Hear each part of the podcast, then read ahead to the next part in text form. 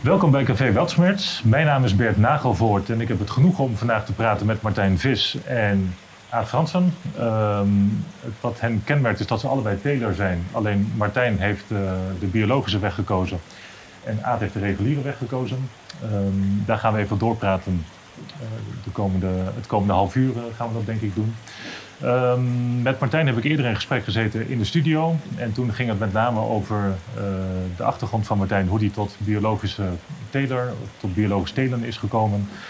Um, en waar hij tegenaan loopt in de, in de, in de huidige wereld. Hè. Ook bijvoorbeeld schade van, van 5G en wat dat, wat dat op zijn gewassen doet.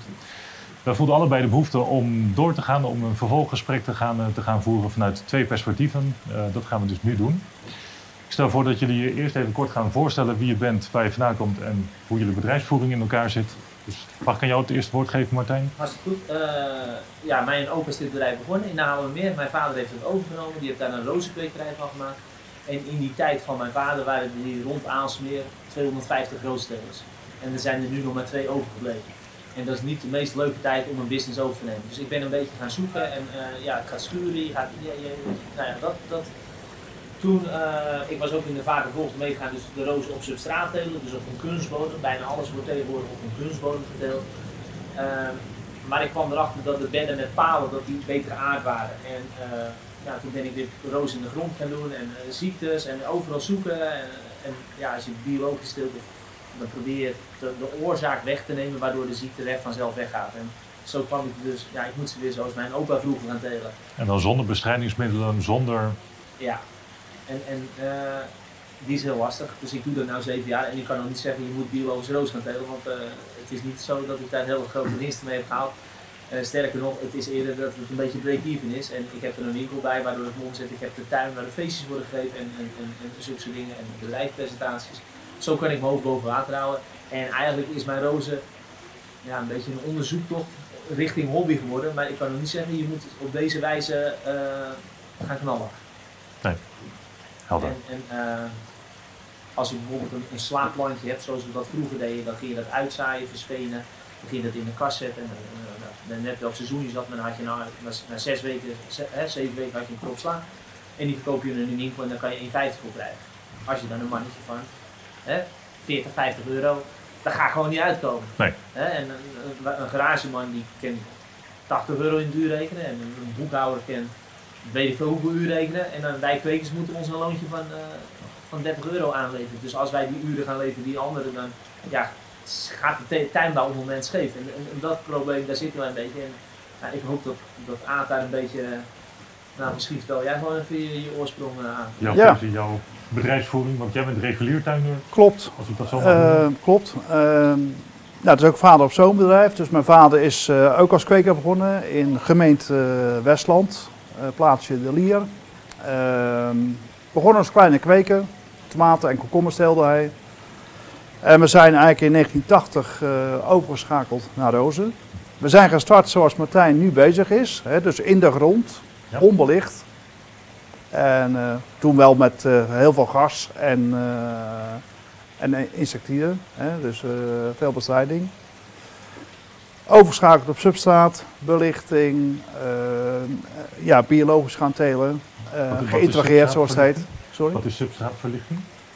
Uh, nou, de substraat is de steenmelmat, zeg ja. maar. Oh, en, ja, precies. En de belichting is inderdaad het kunstlicht die we eigenlijk vooral in de winter gebruiken om jaar rond een, een prima product te kunnen maken. Dus dat doen we nu ja, inmiddels al 42 jaar. En, en overstap dus, van komkommers, tomaten naar rozen.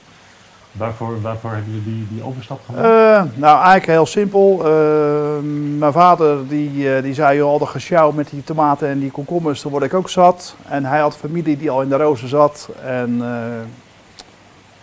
dat was eigenlijk de stap om rozen te telen. Ja, ik was toen 17, 18 en ik vond het allemaal wel best.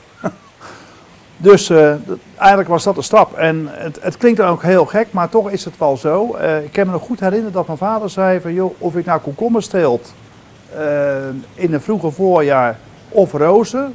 eigenlijk gaat er allebei evenveel energie in. Dus een komkommer is eigenlijk net zo luxe... als je die in februari wil eten als een roos. Ja. Eh, dat was ook voor haar zijn de beweegreden om eh, de stap naar Roos te zetten. Ja. Eh, ook hij is begonnen natuurlijk in zijn vroegere jaren als volle grondstuinder. Ja, en uiteindelijk is hij ook gaan moderniseren. Er kwam uiteindelijk een hete luchtkachel, eh, er kwam oliestook. Dus uiteindelijk kwam er zware verwarming aan. Dus uiteindelijk, eh hij probeerde ook jaar rond een groente te kweken. Ja. Daar was behoefte aan. En men draaide eigenlijk naar de behoefte. En, en het is natuurlijk ook zo, als je de eerste aardbeien had, bracht het altijd geld op. En als je de laatste Ja. aardbeien Ja. van het seizoen had, bracht Ja. het ook geld op. Dus ja. Dus je wij zijn probeerde, steeds meer ja, dat seizoen op gaan rekenen. juist, je probeerde natuur voor te zijn. Ja. Hè, dat deed je eigenlijk. En, En wordt daartussen dan geen geld verdiend? Of hoe moet ik dat, hoe Nou moet ik ja, dat duiden? als, als aardbeitijd, hè, dan Ja. is dat de volle maan in, in, in juni, dat is altijd de aardbeimaand. En dan had, had je bakken aardbeien. Ja, Ja. Je had en een overproductie. Dan moest je Ja. echt je best doen om dat kwijt te raken. Ja. Dus dan ging je met je pleis ging je doen. Ja. Maar als je die eerste had en Ja. de rest had ze nog niet, dan kon Ja. jij alvast je oogst, ja, dan kon je hoge Ja. prijzen en je was al een beetje. Had je Dus zo ging dat. Ja. En, en dat is de tred waar we nu in zitten. Ja. We hebben dat seizoen zo opgerekt dat we alles jaar rond Ja. hebben. Maar daar hangt ook een prijskaartje aan. Ja, Ja. zeker. En dat prijskaartje, ja, we hebben import uit het buitenland gedaan en eh, die hebben die, dat prijskaartje niet. Dus die vliegen dat hier. En sterker nog, jij vertelde van, eh, nou vertel me die invoergerechten. Hè? Klopt. Ja, dus nou ja, een prijskaartje meer dan alleen geld wat je eraan kan binden. Dan ook aanslag op de natuur misschien die, je- die, je- Nou ja, die om, je om pleegt. tegen de natuur in te gaan moet je heel veel trucjes uithalen om Ja. toch een, pro- een mooi product te krijgen. Om toch dezelfde. Uiteindelijk kan niks tegen de zon natuurlijk, maar je Nee. moet heel veel trucjes doen om, om dat product dan toch. En je gaat dan ook, ja, ik, ik zeg altijd, dat is weer biologisch stelen, hoe meer je op die natuurlijke lijn zit, hoe minder weerstand je krijgt. Dus als je van die natuurlijke lijn af door, of door meer kunstmest of door meer warmte, dan krijg je ook de natuur, die gaat dan, ja, die zorgt dat de evenwicht. Dus die, die- ja, je krijgt meer weerstand. Ja. Omdat je tegen de natuur ingaat. En Dus evenwicht is nu zoek. En dat is misschien ook wel wat, wat deze, wat Ja, deze is- huidige tijd heel erg kenmerkt. natuurlijk wel, wel evenwicht. Ik bedoel, die zorgt, en zeker, hè, dat- daar ben je altijd naar op zoek. Je probeert altijd het beste product te leveren. Alleen is het nu wel in deze tijd heel moeilijk om een evenwichtssituatie te krijgen. Omdat bijvoorbeeld gasprijzen, waar jij denk ik heel erg mee te maken hebt, heel hoog zijn momenteel. Klopt. Dus we kunnen misschien concluderen heel voorzichtig alvast. Of je nou een biologische weg hebt gekozen of een reguliere weg. Je zit in een situatie dat het heel moeilijk is om een rendabel bedrijf te voeren. Uit evenwicht is. Ja. Het evenwicht is weg. Klopt Ja. dat? Is, is dat Ja, een dat voorzichtige, Nou, voorzichtige dat aanname, klopt. conclusie? Kijk, uiteindelijk, ik kan wel stellen, in die 42 jaar bij Roosentelen, er was altijd wel wat natuurlijk. Ja. Alleen, Dat hoor ik eh, bij ondernemen, maar Het hoort bij ondernemen. Alleen zie je wel de stappen, eh, de, de, de stappen waar het wat van kan zijn, die gaat steeds weer meer extern. Ja. Eh, dus eh, er zijn externe factoren die bepalen uiteindelijk eh, ja, je welzijn van je bedrijf. Maar in, En die is alleen maar verergerd. ja, want En daar heb je geen grip meer op. nee. En is dat overheidsmaatregelen of is dat gewoon een, een, een maatschappelijke situatie? Bijvoorbeeld zoals nu een, een, een gascrisis? Ja, nou ja, of hebben we dan ook te maken met import? ehm, Klopt. import Nou ja, goed, rozen? Martijn die probeert net al aan te Ja. halen. Kijk, eh, in de tijd dat er nog 250 rozenkwekers hier in het Aalsmeer zat. Ja, toen hadden we een, een, eh, een, een, een, een, eh, een grootte van 1000 hectare rozenteelt. Ja. Dat is nu teruggebracht, eh, anno 2022, naar 150 hectare. Dus in, in, in, vanaf het 2000 zijn we eigenlijk gaan zakken, gaan zakken richting die 150 hectare. Ja. In diezelfde periode is eh, er vanuit Afrika eh rozenteelt ontstaan. Voorheen hadden we Israël, uiteindelijk werd het Kenia en Ethiopië. Dus eigenlijk kun je wel stellen, in die 22 jaar dat wij gekrompen zijn van 1000 hectare naar die 150 hectare, is daar met factor 3 is, eh, de rozenteelt gegroeid. En alles is geënt op export naar Europa. En het, het, het, het, het vreemde is eigenlijk dat eh, dat product wat zeg maar vanuit Kenia en Ethiopië naar Europa komt, hè, eh, naar Nederland, want Nederland is de draaischijf als het gaat om export van, eh, van bloemen en planten. Ja. Die, ze komen allemaal zeg maar eh, importvrij naar Nederland. Want zeggen we, Kenia, Ethiopië is een eh, ontwikkelingsland, die moet je de kans geven. Dus ze hoeven geen invoerrechten te betalen. En ze, ze dumpen het eigenlijk op de Eu- Europese markt. En zijn dat heel erg Afrikaanse bedrijven of zijn dat Europese bedrijven? Of Nee, het is vooral eh, uit, eh, van origine uit India. ja? En ook veel Nederlanders en Israëliërs. Ja. Eigenlijk Kenianen zijn ondergeschikt daaraan. Het zijn eigenlijk eh, ja, toch eh, grote investeerders die daar megabedrijven opzetten en eh, die dan eurotekens hebben, want Ja. uiteindelijk hun product wordt allemaal in euro's verkocht Ja. en, eh, en daar doen ze het voor. Ja. Je kan je eigenlijk afvragen in hoeverre de lokale bevolking eh, daar profijt van heeft. Maar Ja, goed. En zeker ook als je dan nog het bestrijdingsverhaal. Want daar, is geen, daar hebben ze geen wet over bestrijdingsmiddelen. Nee, lokale boeren worden er weggekocht. Hè. Dus uiteindelijk, eh, er zal best wel lokaal best onvrede zijn. En daarmee zie je ook af en toe wel eens binnenbrandjes eh, bij die lokale bewoners ontstaan. Doordat eigenlijk grote mogendheden daar zomaar kwekerijen beginnen. Eh, maar dat wordt eigenlijk amper aan het licht gebracht. Grondwaterniveauen die zakken. Ja. Ja, het is niet... Maar het is wel heel mooi daar te telen. Want waarom niet Israël? Israël is gewoon te warm. Dus dan heb je, ook- heb je wel... eh, eh, ja, dan groeit hij uit zijn kracht. En, en rond de Evenaar is 2000 meter hoog over het algemeen. Daar Kenia, daar ook Kenia, Ethiopië. Overdag heel veel licht en s'nachts koel. En dat is ideaal voor rozen. Dus eh, 12 uur licht, 12 uur donker. Dat is het beste. Dus er komt, komt daar wel een hele mooie kwaliteit vandaan. Maar als je de, de, de arbeidskosten van... van- Ja, ik heb een vriend die heeft daar een bedrijf 4000 mensen in dienst. En hij heeft hier 20 mensen om zijn veiling klaar te maken. En die 20 mensen hier kosten meer dan die 4000 mensen daar. En dan zorgt hij ook nog voor huisvesten, ziekenhuis en scholing. Ja. En het is ook weer dubieus als een, als een ondernemer scholing gaat verzorgen. Weet je, dan, dan neigt het naar mijn idee een beetje richting ja, slaverij. Ze kunnen daar niet anders. Ze, zitten vast aan, aan, aan die kweker. Weet je, eh, een, een, een, een, een, een- een bedrijf hoort niet huisvesting te zoeken. Een bedrijf hoort niet scholing te doen. Maar is het ook niet zo dat het daar nog, nog ja, dat klinkt zo gelijk zo aardig, dat het daar 100 jaar achter ligt, omdat hier de grote bedrijven dat ook hebben gedaan. Hè, als je vroeger bij de grote bedrijven aan het werk ging, werd er ook huisvesting ver- verzorgd, werd scholing verzorgd. Is dat niet hetzelfde dat dat als, als de ontwikkelingssamenwerking te zien is? Ja, ja, Of- nee, ik denk het niet. misschien is dat meer het antwoord. eh, Ja, ik vind het wel lastig eh, om dat eh, aan te geven hoor. Maar uiteindelijk, eh, Het is in ieder geval, laten we het zo zeggen, het is een oneerlijke concurrentie waar we in zitten. voor jullie. Voor, Voor de, voor, ja. de, Ja, voor de ja, Nederlandse ja. En, en tuinder. de Nederlandse tuinen, eh, waar- ja, ik heb ook een handje na, en jij zal ook een handje. 60 uur, 60 uur die draaien we altijd makkelijk, toch? Hè, daar komen we altijd, hè? En dan mijn vader en mijn opa, die, die waren daar nog meer. En altijd heel harde werken. Ze hebben een heel mooi veilingssysteem. En dat het voordeel van dat veilingssysteem is dat je altijd je product kwijtraakt. Als er veel aanbod is, dan, dan, dan zakt de prijs. Is er weinig aanbod, dan gaat de prijs omhoog. Ja? Ja. Dus dat was altijd. Als je vroeger een mooi product had, kreeg je altijd goed geld. Ja. Nu is het zo. Ja, als het wij spreken in, eh, in juni is het Franse moederdag en in Ethiopië regent het heel hard in Kenia, zijn de rozen in een peperduur. Het is, dus het, het is een hele rare markt geworden. En, ehm, maar wat ik wil vertellen, dus wij brengen die rozen op de markt en we wachten af wat we krijgen. Ja. Dat is eigenlijk hoe het is. Dus wij, het was een heel mooi systeem, maar ons, het maakte ons lui in onze marketing. Dus wij hebben nooit een product neergezet. Wij moesten gewoon zorgen dat het een mooi product was en klaar, that's it. Mijn opa en mijn vader hard werken naar de veiling, eh, hup, gaan. Eh, niet lullen, Ja. knallen. En, Want je verkoopt dan- eindigen.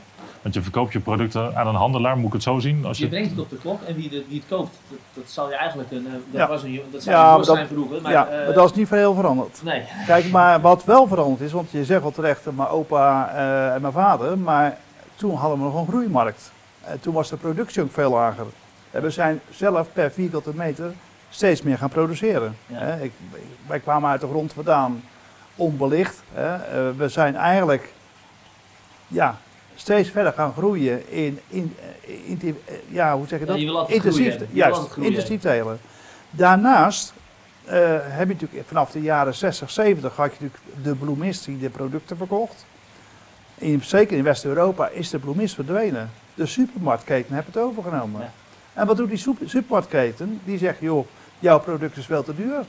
Ik ga er liever naar Afrika. Want dan kan ik nog voor 1,99 een bosje bloemen verkopen. Ja. Dus uiteindelijk zijn wij uit het straatbeeld verdwenen.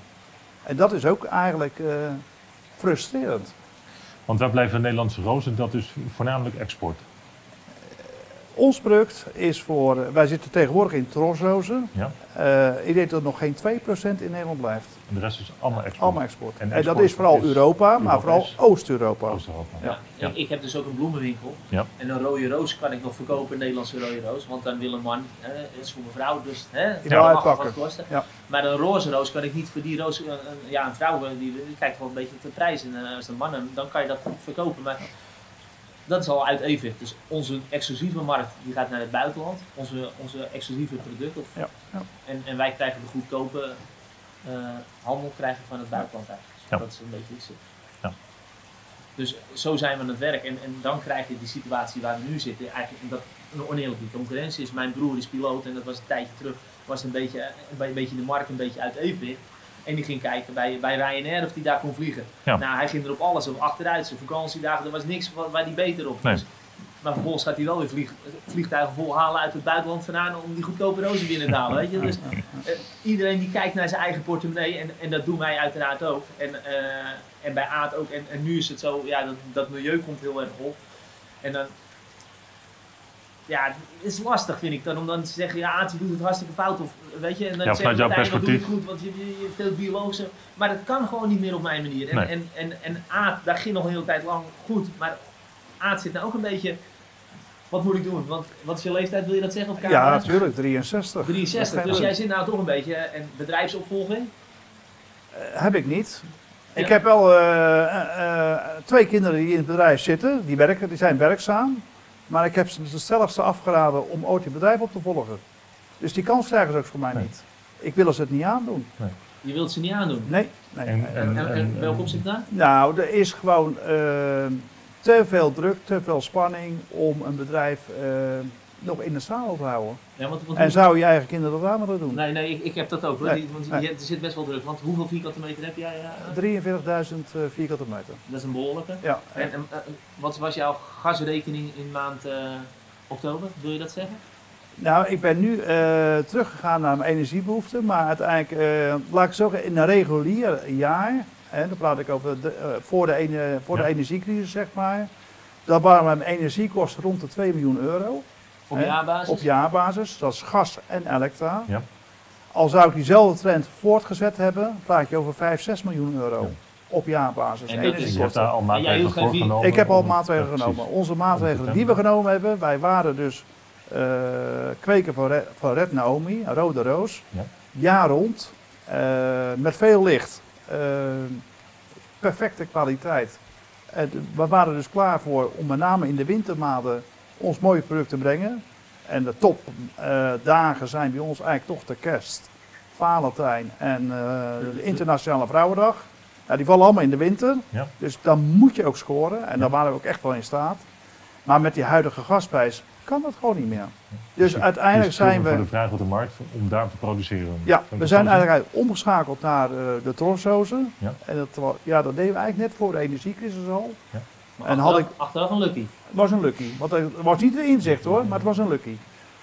En die is gewoon minder energiebehoeftend. Ja. Daar kan je wel energie in stoppen, maar het hoeft niet. Nee.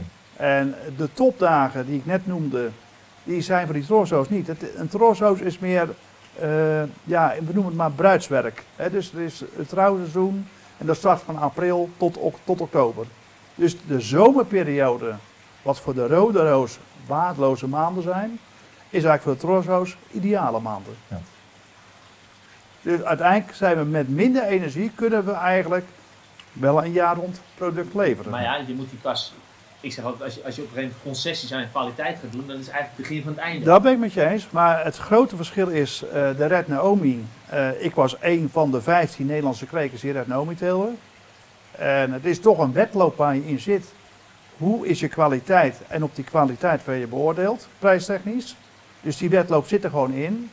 Bij de Trosso's, eh ik teel unieke soorten. En de kwaliteit die ik aan de consument, oftewel aan de koper, voorschotelt, dat is de kwaliteit. En hij mag zeggen wat hij daarvoor over heeft. Ja. Maar ik zit niet meer in die wedloop. En die wedloop is eigenlijk wat we de afgelopen jaren elkaar hebben toebedeeld. Ja. Het moet beter, het moet beter, het moet beter. En, eh, ja, en voor welke prijs is dat? Ja. En dat is heel lastig. Dus, dus dat jij zo groot bent gekomen, die heb jij niet omdat jij de grootste wil worden, Nee. met je ego, maar Nee. dat is gewoon de wedloop. Daar Nee, jij want uiteindelijk die 43.000 vierkante meter waar ik nu op teel, eh, is niet omdat dat... eh, die, ja, het is de ideale economische grootte. Ik hoef geen 10 hectare te hebben als het op 4 hectare kan. Maar in het verleden teelden wij op 1 hectare rozen. Ja, en, en op een gegeven moment gaat dat niet meer. Dat ging niet meer of wilde je meer verdienen? Nee, nee, nee, nee, nee, nee, nee. Want als ik te eten heb is genoeg. En die tweede biefstuk hoef ik niet meer. Dus Als je uit de uiteindelijk... kosten bent en gewoon een inkomen kan Precies, voorzien. het had te maken met eh, eh, automatisering, eh, met generators die je aan moest schaffen voor de belichting. En die waren op 4 hectare efficiënter als op 1 hectare. Eigenlijk ben je achteraf gezien in een, een richting opgeduwd, lijkt het haast. Ja, dat is wel... En als je nu terugkijkt, dat je dan een heel groot bedrijf opgebouwd ziet Ja, in de loop der ja, tijd. je bent inderdaad die kant opgeduwd. Maar aan de andere kant moet ik ook zeggen, Je bent er zelf bij. je bent er zelf bij. En had ik op die hectare gezeten, dan was ik eerder Ja, afgevallen. precies. Hè, dus Je hebt het ook lang vol kunnen tot nu. het is eigenlijk een beetje, eh, ja, de racefietser die fietst. En eh, Je zit Ja. op de rijdende trein. En, en precies, je wil in te peloton blijven zitten. Precies. En dat En- is de tijd waar we nu in zitten. En Ja. dat is vreselijk. Want als jij nu een verkeerde soort neerzet, is het over. Klopt. Nou ja, en, en, en, wat je natuurlijk ook had. Nou ja, goed, uiteindelijk als ik vanuit mijn vaders kant kijk, hè, maar daar hebben we het dan ook over. Ja, die begon eh, op 5000 vierkante meter. En die had een gezin van 10 kinderen. En, Die kon die goed onderhouden. en die kon die waarschijnlijk. prima onderhouden. Er was zelfs nog geen kinderbijslag. Hè. Bij nummer 10 kregen ze pas kinderbijslag. Want de, de zelfstandigen kregen later Dat kinderbijslag. ligt hij mooi mis. Eh, dus dat, maar goed, daar ging het allemaal niet om. Uiteindelijk kon hij het, het gezin, hè, vader en moeder kon het gezin onderhouden op 5000 vierkante meter. Ja. Hè, in de grond, onbelicht. En Ja. wat zijn we nu aan het doen? Wat hebben we nu de afgelopen tientallen jaren gedaan? We zijn eh, intensiever gaan telen op Ja. grotere, meer vierkante meters Ja. met een kleiner En dat, moet gezin. ook zo, dat is ook wel een, Westlandse attitude. Als Ja. een aansmeerder denkt van, eh, zal ik het doen, zal ik het doen, zal ik eh 10.000 meter zetten. En dan zet een, een Westlander zet het maar dan vijf keer zo groot en binnen Ja, een week Ja, beslist hij dat. hij zocht altijd het randje op. Ja. En Westlanders zoeken het randje op. Ja, nou en- ben ik ook geen echte Westlander. Ja, ik ben wel een echte Westlander, maar sommigen in het Westland Ja. zeggen ze, ben jij wel een Westlander? Ja. Nou, ik leer dus- heel wat over verschillende regio's in het land. het, Dat, het is al heel knap dat hij hier aan de tafel zit. Want het Ja. is natuurlijk, eh, ja, eh, uiteindelijk wil iedereen biologisch en uiteindelijk wil iedereen geen bestrijdingsmiddelen gebruiken. Dus ja, hij zei al, ja, ik ga toch niet de bad, guy worden. Is dat zo? Is het ook niet veel gemakkelijker om, om met, met, hè, met, met bestrijdingsmiddelen te werken? Ja, of, ja in, in, in Frankrijk zelfs een beroepsziekte is, is, is Parkinson. Ge- Geen tuiner wil met bestrijdingsmiddelen werken. Dat, dat is iets, ja, een beetje noodzakelijk kwaad is dat. Ja. En, en dat is ook mijn ding. En tussen met die wolhuis, nou die moest ik gaan aarden. En toen kwam ik minder wolhuis. En, en, en ja, dat vond ik zo leuk dat spelletje. Dat, Ja. je, dat je die natuurwet, als je die gaat naleven, dan, ja, tot dat komt. Maar Ja. dan ga je eerst wel even heel lang op je bek voordat je weet welke, welke klus het is. Dus Ja. het is eigenlijk bijna een beetje monnikenwerk wat je aan het doen bent. Ja. Nou, Aad zou, dat- die zou er ook wel schik in hebben. Maar die heeft inmiddels zo'n groot bedrijf. Hè, toch? Zou Ja, ik wel nee, een beetje klopt, zeggen? klopt, Want ik stond, eh, zeven jaar geleden stond ik in de krant dat, dat ik die omschakeling ging Ja. doen naar biologisch stelen. Ja. Dus, en ik had best wel, eh, toen was ik al, ja, dan was ik wat jonger, dus dan was ook een beetje venijniger. Was, het. dus het was best een venijnig stukje stond er in de krant. Ik had wel Ah, een je, je gaf een beetje af. Ik gaf een beetje af, ja. Maar het weekend dat hij was uitgebracht, daarna stond hij met zijn gezin stond hij Ja, te kijken, joh, wat voor verhaal heb je dan te vertellen? ja dus, ik, ik kwam geen verhaal brengen hoor. nee, Halen. nee, nee, nee, dat maar niet. gewoon eens even kijken van, klopt het verhaal ik in de krant hij, zag toch wel, want ik, ja, ik, ik deed best wel lelijk. Dat was. Het was niet heel positief voor de Nederlandse tuin, maar laat ik het zo zeggen. Maar hij wil toch even kijken van, en ook Ja. met zijn gezinnetje kwam, en ja, dat klopte gewoon. En, nou, toen ik Ja. een beetje mijn verhaal, en nou, hij was een en al oor. Ja. Dus ja, het was vreselijk leuk dat gesprek. Ja, zeker weten. Dus ik had nou een paar kwekers, maar niemand wilde. Ik denk, nou misschien moet ik dan, ik belde hem op en zei, hé hey, Martijn, eh, weet je, dus hij is zo gelijk niet was. Dus dat Ja. is heel erg leuk. Dus, Ja. dus vandaar eh proficiat dat hij hier zit en dat Ja. hij, eh, Ja, dat, ja, dat ja. hij zijn verhaal Ja. vertelt. Want ik denk dat we, dat we kunnen vaststellen dat er, welk bedrijf je ook hebt, en hè, nu specifiek voor de teler, dat je gewoon met, met grote problemen te maken hebt, zeker met de toekomst. Dat maakt het heel onzeker. kinderen mogen niet over. Maar goed, dat. ehm, hè, dus dat zegt inderdaad een heleboel. Ehm, maar hoe, hoe, hoe kijken jullie uit vanuit, vanuit jullie perspectief? Want die is natuurlijk toch wel verschillend van elkaar. Hoe nu verder? Om een bedrijf te Ja, dat leiden. valt stil. En dat valt Ja. stil. Ja. Of is daar misschien helemaal... Nou, dat kan Ja, ook een conclusie zijn dat daar geen, met deze geen prijzen, en is. eh, we hadden het al een beetje voorgesprekje, is in ei dat is hetzelfde prijs. En de inflatie is zo groot. En als Ja. je echt de werkelijke inflatie zou je eigenlijk ook nog moeten doen hoe ze het 40 jaar geleden teelden en hoe nu teelden. Ja. En nu hebben we dat alles zo aangebalanceerd dat we zo goedkoop kunnen telen Ja. per, per stuk. We hebben dat zo geoptimaliseerd. Maar ja, Er hoeft maar rustig- één kink in de kabel te komen en dat hele kaartenhuis. Maar hoe rustiger je Valt in elkaar, hoe ja. meer de natuur Ja. erin komt. En hoe, hoe meer, dat is mijn verhaal. hè. Hij is daar wel een beetje ja, los van gedaan. Maar ik zeg, hoe meer, dat, hoe meer rust is, hoe meer de natuur meegaat, hoe meer liefde er in het product komt. En Ja. hoe meer het je voedt. Ja. Maar dat kan gewoon niet meer in deze maatschappij. Nee, Nee. nee. Dus wil je, wil ik verder gaan in de tuin, maar wil ik er geld aan verdienen? Ja. Dan moet eerst gewoon, dan moet er eerst een een oorlog of er moet eerst een recessie komen of zo, maar dat er eerst gewoon weer de werkelijke waarde van de euro weer naar boven komt. En de laatste kwam er ook een kweker en zegt, ik heb 6 hectare, weet je, weet je nog iemand, want ik weet niet wat ik ermee doe, weet je nog wat iemand. Ik zeg, laat er onkruid in groeien, wacht tot de tijd gaat veranderen en die onkruiden gaat die grond opwaarderen en dan over zes jaar, dan kan het gewoon, dan kan het weer. Maar nu, elke euro die je instopt, je gaat achteruit. Ja. Dus het was 6 hectare, was 6000 meter. Het was ook niet zo'n Oké. groot bedrijf. Maar, Maar dat is- wil niet zeggen als je een recessie ingaat dat je bedrijf dat overleeft. Omdat is roos een luxe product of niet? Want hoe kijk je daar tegenaan? Een bloem is altijd nodig. Ook in de recessie is, er zijn er ook bloemen. Nee, ja, daarom. Eh, Kijk, een, een bloem is, het is uiteraard, een- wat is luxe? Maar eh, je, je, kan, Is er- het een je, luxe kan, product? je kan ermee zonder. Ja. Je kan ermee zonder. Maar uiteindelijk, ik zeg wel eens meer, eh, hoeveel mensen heb ik niet blij gemaakt met een roos? Eh, dus uiteindelijk is het ook een geluksmoment. Ja. En hoe belangrijk is geluk in een leven? Eh, dus uiteindelijk, ik vind geluk is ook de basis van de mens. En als bloemen je gelukkig kunnen maken, eh, Ja, dan, kweek mooi. ik, Ja. dan kweek ik geluk. Ja. Dus uiteindelijk ben Maar ik... kweek je geluk of kweek je geld? Wat is jouw... Nou, nee, want ja, goed, geld heb ik nodig om, om, om alles als smeermiddel te laten gaan eh, Maar jouw werken. intentie nog steeds wel dat je dat geluk wilt hebben. Absoluut. Elke roos die je knipt, denk ik, ik ga hier iemand gelukkig mee maken. En Ik- uiteindelijk, ik- al zou ik, al zou ik eh, medicijnen maken, zou ik minder gelukkig worden als dat ik rozen kweek. Want ik weet zeker dat een roos veel meer eh, in de mens, wat met de mens doet, als dat gekke pilletje. Ja, En die heb je ook wel nodig hoor, blijkbaar. Want zo zijn we dan opgebouwd. Maar uiteindelijk het geluk bepaalt de mens. En dat is een roos een prima eh, middel voor. En dat hebben we met, met elkaar gecreëerd. Ja. En, eh, maar goed, als je nou kijkt eh, naar die opbouw van hoe het gegaan is en waar, we dan, waar wij dan in vastzitten als reguliere tuinbouw, dat is natuurlijk uiteindelijk de bank. En ik ga de bank niet de schuld geven, maar het is gewoon in, de jaren 60, 50 is de bank uiteindelijk ontstaan. Hè? De coöperatieve bank, eh Raiffeisen bank, Boerenleenbank, die is ooit ergens in een achterkamertje ontstaan. Ja. Hè? Mensen hadden geld nodig om iets te bouwen. Mijn vader heeft altijd nog gebouwd. Hij verdiende geld en hij bouwde wat. Dus hij ging eerst geld verdienen en dan ging hij bouwen. Mijn generatie is, we gaan naar een bank toe. We kunnen kijken hoe ver we geld kunnen lenen. En daarmee gaan we op een efficiënte manier bouwen. En vroeger was het kapitaal zat bij de tuinder en nu zit het kapitaal zit bij de, bij de, bij banken. Klopt. En mijn opa had zelfs nog een keer een kastje neergezet en die had hij in hetzelfde jaar had hij nog terugverdiend. Dus Ja. hij had de kast neergezet en dat, dat was gewoon wat hij... Ja. Dus hij Nou, maar ik, hij- dus het systeem bank eh, ga ik zeker niet op afgeven, want dat heeft, mij ook zeker geholpen om Zeker naar een bepaalde precies naar een groei. Maar je ziet eigenlijk de banken gaan veranderen. Dus de, de geldschieters die gaan nu veranderen. Dus die kiezen een beetje eieren voor de geld. En eigenlijk voelt die gemiddelde akkerbouwer, tuinbouwer, boer, veeboer, voelt zich eigenlijk nu achtergesteld. Want hij is eigenlijk in de waan van de dag meegegroeid. Ja. En eh, hij, hij heeft eigenlijk nog steeds die geldautomaat nodig. Maar die geldautomaat zegt, joh, ik ga niet meer geven. Nee. En nou voelt hij, die akkerbouwer, die tuinbouwer en die veeboer, voelt zich ja. in de steek gelaten. Ja. Want hij zit eigenlijk aan het infuus van die bank. Ja. En dat, ja, dat aan is een kant, zaak. Jij, jij zegt, je zoon die, moeten dit ook niet overnemen. Dus als jij op die bankstoel wat... Dan, dan- Nee, jij nou zegt ja, nogmaals. Hè? Nee, ja, goed, maar ik, heb dan, ik geef de- mijn kinderen de keuze van eh, wil je hier instappen of nee. En als je een bank vastzet, heb je die keuze niet meer. Nee, Als ik jou goed begrijp. precies, Ja. precies. Kijk, en uiteindelijk als ze mij advies, advies vragen, zeg ik, joh, gaat het alsjeblieft Nee, niet doen. Precies.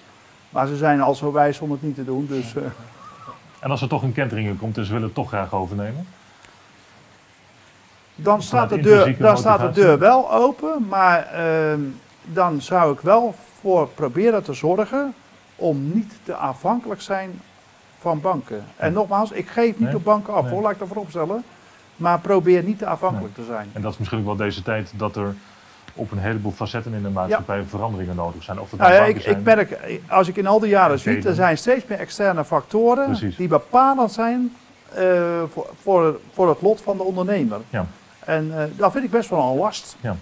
Ja. En, eh, En vooral ook het onverwachte wat er in één keer kan plaatsvinden. Het kan heel snel gaan met hele verdergaande consequenties. Ja. En dat als je aan een bank vastzit kun je moeilijk in één keer wat anders doen. Maar dat systeem snel veranderen, dat heb je ook niet in een week nee, nee, gewijzigd. klopt. En klopt. dat maakt het ook, ook Klopt. lastig om Klopt.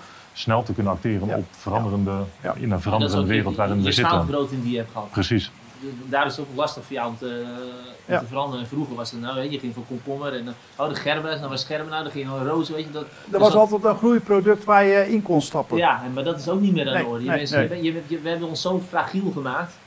Nou ja, goed, uiteindelijk als je naar de, naar de veeteelt kijkt, eh, dat is ook enorm eh, intensief gemaakt. Ja. Hè, dat, dat hebben we z'n allen natuurlijk zo laten ontstaan. Maar uiteindelijk willen willen we nou meer naar eh, de alternatieve landbouw en veeteelt. En, en ik, nou, in mijn ogen kan dat prima. Alleen, we moeten wel bereid zijn om geld voor een stukje vlees of zuivel te willen betalen. En dat is eigenlijk in de, in de, in de bloemensector hetzelfde. Ja. Men moet bereid zijn, of men zou bereid moeten zijn om geld voor het product te betalen. Ja, en er, er zit dus een stukje opvoeding in. Bijvoorbeeld mijn dochter die was in mei, was, eh, was de week van de gezondheid. Er kwam een appel mee en die moest in stukjes moest die weer terug. Ja. Nou, in mei moet je geen appel eten. Nee. Hè? En de week daarna was het peer. Gewoon, ook Ja. op scholing is het helemaal niet. Dus daar moet een stukje opvoeding in zitten. En, en, en ja, dat is gewoon, Ja. dat is niet aanwezig. En sterker nog, we worden in de hoek gedouwd. Hè? De boeren, stikstof, Ja. eh, bestrijdingsmiddelen, die tuiners. En, hè? en eh, ik heb ook een, eh, een kennis van mij, die is 95, die man. En die werd naar India gedaan en die kwam weer terug. Die werd uitgefloten. En hij had een vriendinnetje hier. En daar, daar mocht geen verkeer in, want het was een kinderverkrachter, weet je. Dus, Juist. en terwijl die gewoon, hij, hij heeft gewoon gevolgd wat er gedaan werd. En, en nu zitten we in zo'nzelfde situatie en wij krijgen de, de, de zwarte piet toe, dat mag ook niet meer. Nee. Maar, ehm, dus, dus dat is een beetje de, het probleem. En daar moeten we nou een, een ding ontvinden. En voor mij is dat makkelijker om te manoeuvreren als voor jou. Vanwege schaalgrootte voor, Van, vooral dat. de schaalvergroting. ja, Ja, precies. ja, ja. Ja. Ja. Ja. En, en eh, ja, ik, ik weet ook niet welke kant. Heb jij een idee welke kant het op gaat? eh jij hebt je bedrijf. Misschien kan je dat vertellen wat je gedaan hebt. Ja, nou goed. ehm Rozenteelt zitten we Ja. natuurlijk ruim 40 jaar in. Ehm Rozenteelt gaat een, een struik, zeg maar, een plant gaat economisch eh, tussen de 6 en 8 jaar mee. En uiteindelijk, eh onze rozengewas werd eh, inmiddels 8 jaar en ik was eh, rond de 60 en ik denk, ja, wat ga ik nou doen? Ga ik nog een teeltrozen zetten? Hè? de- Oftewel, ik ga nog 8 jaar door. Ja. En dan praat je over een investering van, mag je even zeggen? Nou, dat is eh, rond de 2,5 miljoen. 2,5 uiteindelijk, miljoen. Dus dan zit je investeert. 60, dan ga ik nog een keer, ga ik nog iets voorbij. Precies. Was er, kon je het verkopen? Nou, had dus- je toen wat overgehouden? Nou, dus of er was de keuze inderdaad, ga ik het verkopen? Nou, ik zat echt wel in een tweestrijd. Uiteindelijk als ondernemer wilde ik eigenlijk toch nog wel verder. Maar aan de andere kant voelde ik die last van die 2,5 miljoen. Dus ik zeg, joh, weet je wat we doen? We gaan hem in stille verkoop zetten. Dus makelaar opgezocht. Ja. En eh, ja, dat, die weet zijn netwerk. Dus ik zeg, joh, zoek jij een klant voor mijn bedrijf. Lukt het? Krijg ik prima, kan ik prima cashen? Dan cash ik. Lukt het niet? Ga ik verder. Dus ik zet hem eigenlijk op twee sporen. Aan de ene kant verkoop, aan de andere kant ging ik met de bank praten. Want ja, ik had die 2,5 miljoen wel nodig. Dus eh 2019, ik met de bank praten. En eh, die zei al, ja, u bent rond de 60, eh zouden we het nog wel doen? Geen bedrijfsopvolging. En we zaten net rond die presidentsverkiezingen toen. En eh, nou ja, de een was 74 en de ander 78, hè, Trump en, eh, en Biden. Ik zei, waar heb je het nou over? 60 jaar man. Ik zeg, eh, ik begin net. Nee, maar ja, dus banken deden moeilijk. Ja. Ja, Je zag al, banken gingen afscheid nemen van tuinbouw. Ja. Was niet meer de reguliere bank die gewend was. Ehm, nou ja, toen eh, uiteindelijk de tijd tikte verder. Ehm, dus ik was nog steeds in de stille verkoop. We raakten in 2002, eh, 2020 gingen we in. Corona brak uit. Eh, eigenlijk de economie ging op slot. Ja. Dus wij vrolijk elke dag roosjes snippen. Ineens, eh, de economie ging op slot. In plaats van ik de rozen naar de veiling ging brengen, moest ik ze in de, in de afvalcontainer dat was maar gooien. heel kort. Dat is zes, dat zes weken geweest. Ja. En eh, uiteindelijk, eh, ik belde de bank op in maart en ik zeg, joh, ik heb een probleem. Ik gooi 90% van mijn rozen op dit moment weg. Zullen we dat plan van 2019 die we gemaakt hebben, nu uitvoeren? Ik alle rozen eruit gooien, nieuwe plantjes gaan planten. Dus in die slechte tijd ben je juist gaan accelereren. Juist. Nou, dat is wel heel Maar de bank zegt, eh, nee, op de rem, zegt de bank, we gaan niks doen. Nee. Sterker, zeiden ze, u moet een coronabegroting maken. Oftewel, welke verliezen gaan er optreden? Ja. Oké. Ja. Maar goed, achteraf pakte 2020 prima uit, want eh, april, mei en juni waren ze- topmaanden. Topmaanden voor de omzet. Hè. Mensen bleven thuis, eh, er werd verkocht. eh, Het enige wat je kon kopen was bloemen. Precies. En dat waren weer die geluksmomenten die we aan het zoeken waren met, Ja. als consument. hè. Ja. Dus die bloemen, dat had je echt wel weer nodig. Maar goed, 2020 eh, was ten einde bijna en ik ging met de Rabobank nog een keer praten. En ik zei, joh, eh, ik, ik wil toch die stap nog een keer maken. Opnieuw Red Naomi. En 2,5 miljoen heb ik daarvoor nodig en eh, we gaan er gewoon voor. En banken zagen het niet zitten. Nou, de stille verkoop bracht ook niet de partij op die ik zocht. Dus uiteindelijk, onderwijl was ik wel verder gegaan met het ontwikkelen van plannen. En toen zei ik van nou, ik ga het, eh, de kant van de trosso's op. En trosso's, dat is een heel kleine schalige eh, ja, roos ten opzichte van een grootbloemige roos. Dus dat moest je ook stapgewijs doen. Eh, dus uiteindelijk ben ik in 2021 ben ik, de eerste hectare, dus zeg maar een kwart van mijn bedrijf, ben ik met troshozen gaan zetten. En dat wilden ze wel financieren. Nou, ja, die bank zegt, joh, eh, dan kon ik het uit mijn eigen middelen financieren. Oh. En die bank zei van, nou joh, als jij dat wil, moet jij weten. Doe maar wat je zin in hebt. Eh, maar wij staan daar niet achter. Nee. Maar goed, ik ben niet eigenwijs, maar wel eigenzinnig. Dus ik ging dat toch maar doen. Als Westlander. Precies. En eh, dus 21 bij de Troshoos geplant. En we hadden voor onszelf een driejaren stap. Hè? 21, 22 en de grootste hap zou in 23 als Troshoos aangeplant worden. Maar ja, toen brak in het najaar eh, 21 eh, de energiecrisis uit. Dat was toen al eh, zichtbaar. Hè? We gingen richting eh, gasprijs van 70, 80 cent. Eh, dus wij dachten van ja, gaat dit wel goed. Ik had, op dat moment had ik nog drie kwart van mijn bedrijf in de Red Naomi en, en een kwart met rosrozen. Dus ik was nog behoorlijk intensief eh, met energie bezig. Ja. En ik denk, ja, dit gaat niet goed komen. In die stille verkooptijd, toen meldde mijn buurman en die zei van, joh, ik heb wel interesse in jouw bedrijf, maar pas over vijf, zes jaar.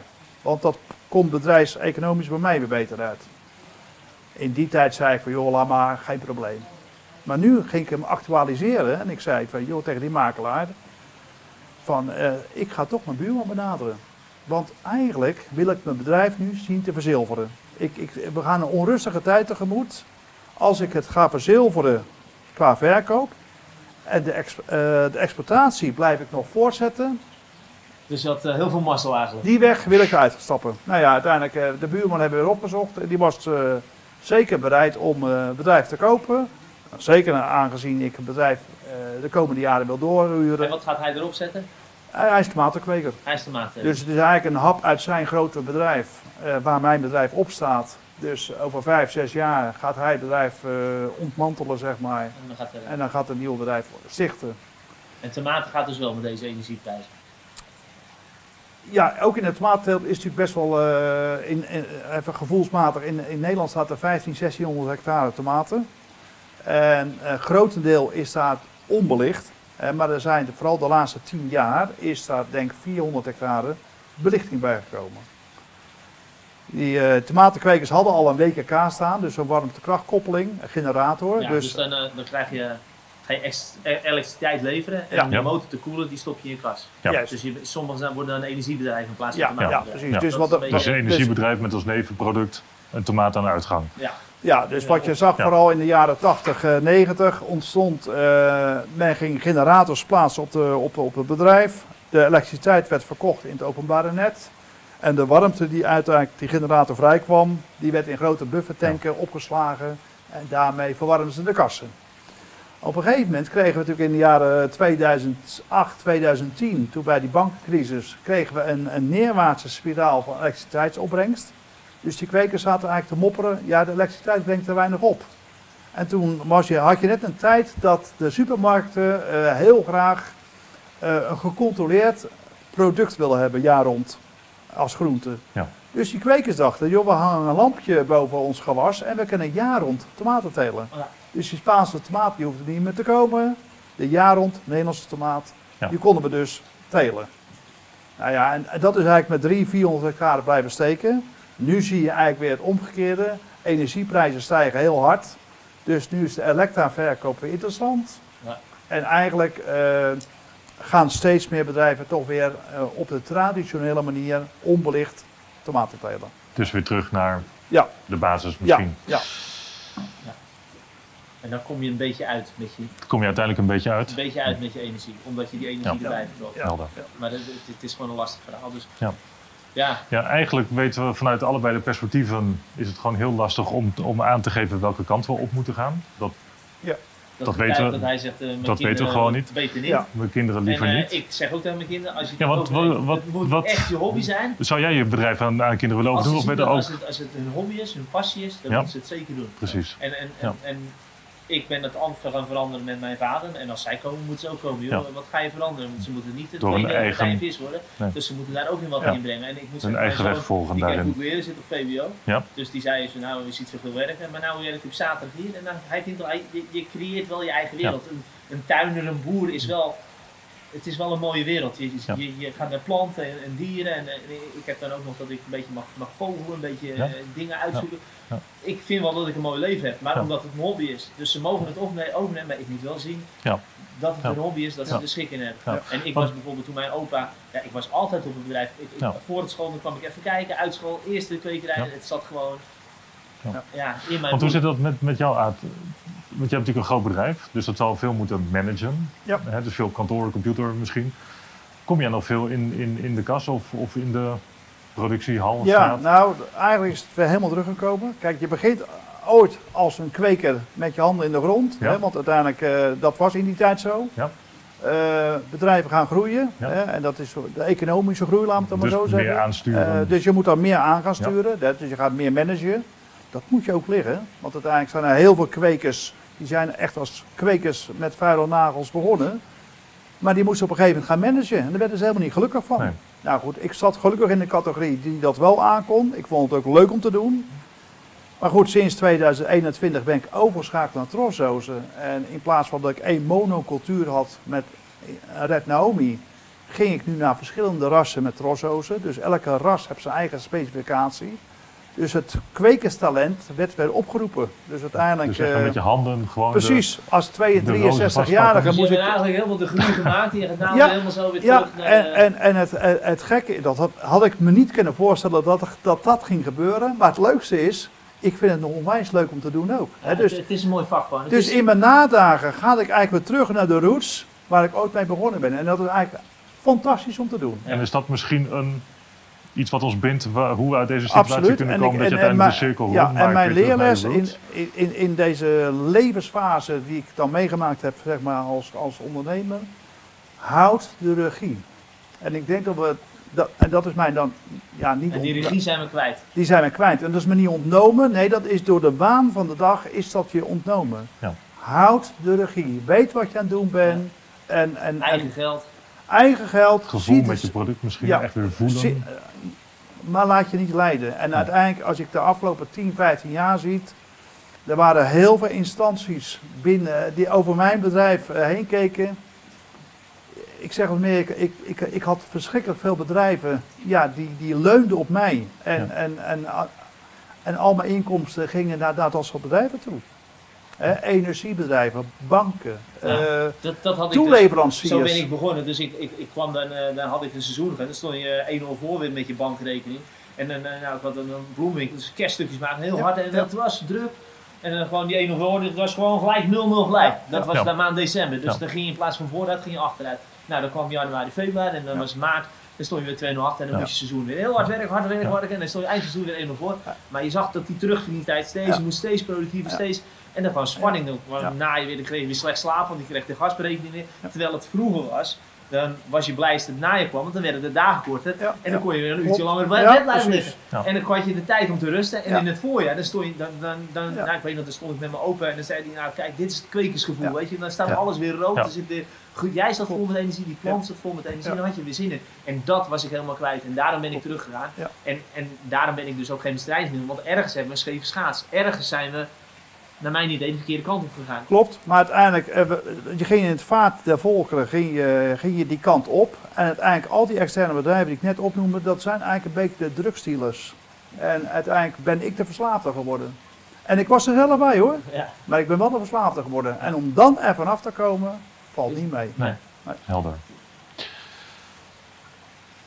Heel leuk om dit eh, te zien en de perspectieven die ik van jullie allebei geboden kreeg Ja, en eh, top, eh, top. van, de, van, de, van de Top aard, hè, want eh, hij gaat hier wel zitten natuurlijk. eh, Ja, maar wat ik, wat ik, wat ik typerend vind in het gesprek dat je ook heel erg vanuit je hart werkt. Ook heel erg Ja, vanuit... maar dat is- dat- dat hou je ook dat- overeind. En dat geldt niet eens, niet Ja, eens zozeer geldt leidend voor is. elk vak wat je doet. En dat geldt voor jouw vak en dat geldt voor jouw vak. Ja. Als je het niet vanuit je hart kan doen, ja, dan, eh, Nee, dan dat, hou je het ook niet vol. nee, en dat, vind ik, dat vind ik heel mooi op dat perspectief. Ja, hè, ook al, hè, want vanuit de buitenkant zie je schaalgroot, een groot bedrijf. ja, hè, dus die ja. zal wel Ja. zus of zo zijn. En dan is het toch in de kern vanuit je hart. En dat, Ja. dat, dat bindt jullie denk Ja. ik allebei heel Ja. sterk. Want jij werkt Ja. ook sterk vanuit je hart. Ja, nou, ik denk En dat je vind ik allemaal heel mooi. Dat, dat, dat vind ik heel mooi om te zien. Vanuit de krant. En zo werkt dat. Ja, dat Dat vond ik heel leuk Ja, eh, ja, om te zien. ja. Dank voor het gesprek. Ja, Graag gedaan.